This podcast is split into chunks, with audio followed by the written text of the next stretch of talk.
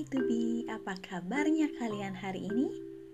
Ibu Evelyn berharap kalian semua dalam keadaan yang sehat dan juga penuh dengan sukacita.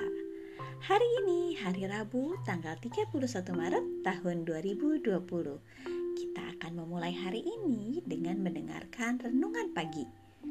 Sebelumnya kita mau lipat tangan dan tutup mata kita mau berdoa.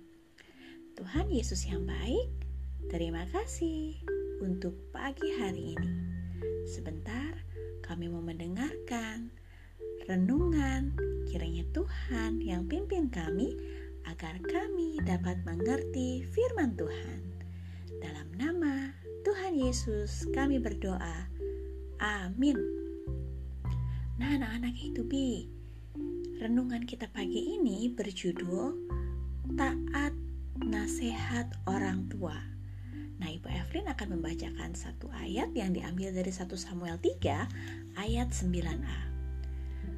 Sebab itu berkatalah Eli kepada Samuel, Pergilah tidur dan apabila ia memanggil engkau, katakanlah, berbicaralah Tuhan, sebab hambamu ini mendengar.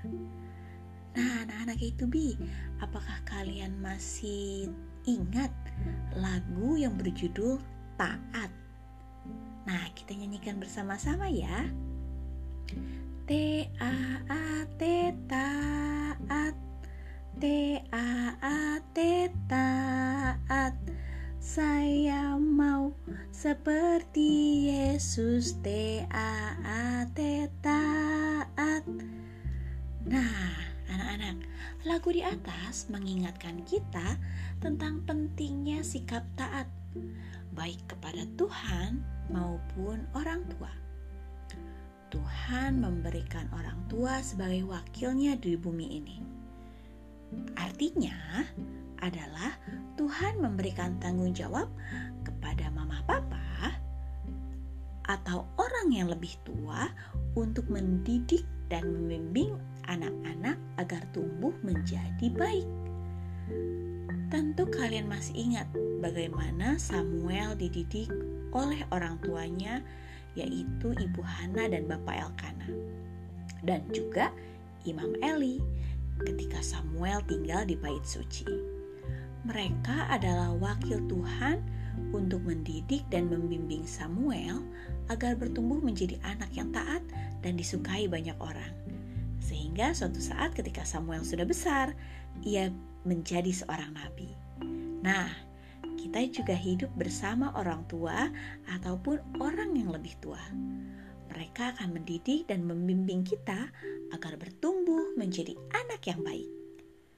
Salah satu cara yang dilakukan adalah dengan memberi nasihat baik.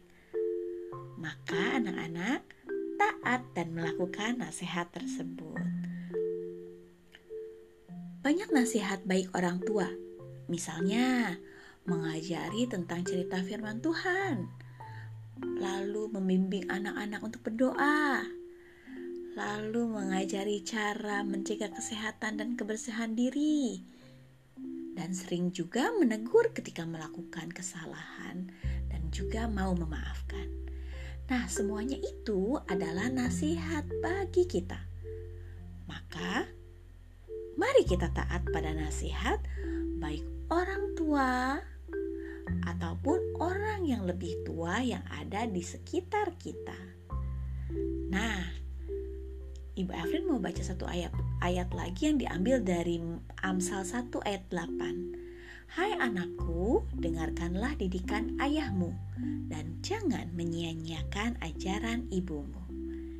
Anak-anak itu bi, mari sekarang kita lipat tangan dan tutup mata kita mau berdoa.